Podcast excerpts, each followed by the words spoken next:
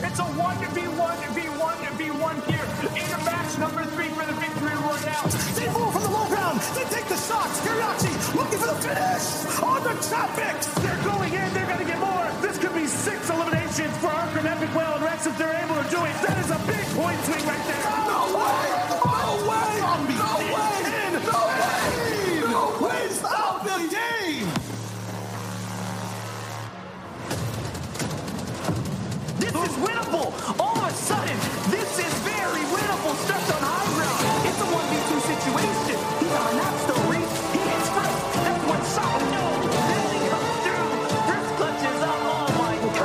Distância tenta pegar o Califa. Início interessante, início quente, o Barroso garante a eliminação em cima do Tony.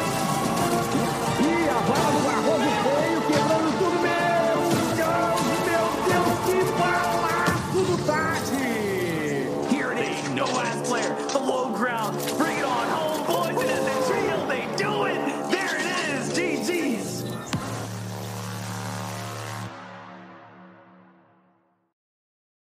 Welcome back to another episode of Daily Fortnite, your daily podcast about Fortnite.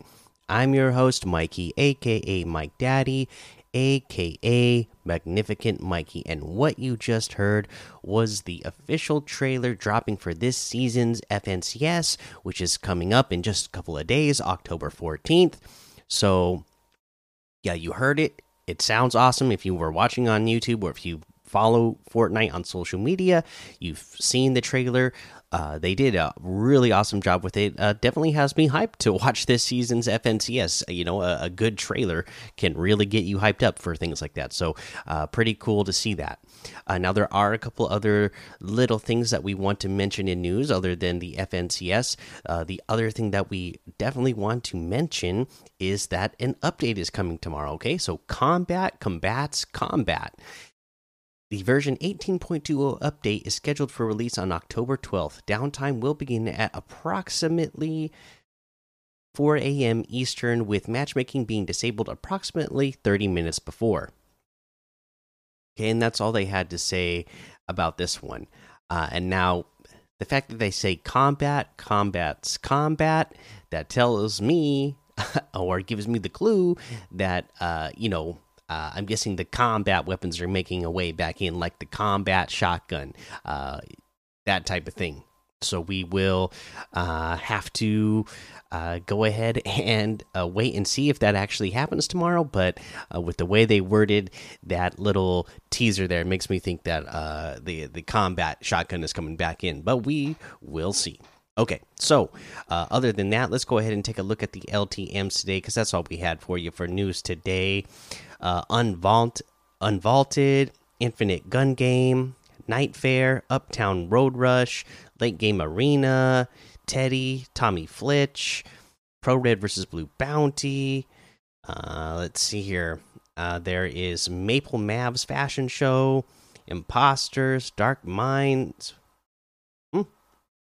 Where did I go? Oh, the Dark Minds Murder Mystery 2.0.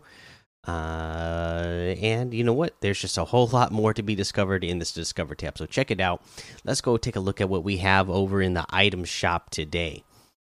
Uh, we have all of our spooky offers still here, of course, and there's so many great ones. Survivors in Arms, the Walking Dead stuff is still here. We have the Cloaked Shadow outfit with the Shadow Wings backbling for 1,500.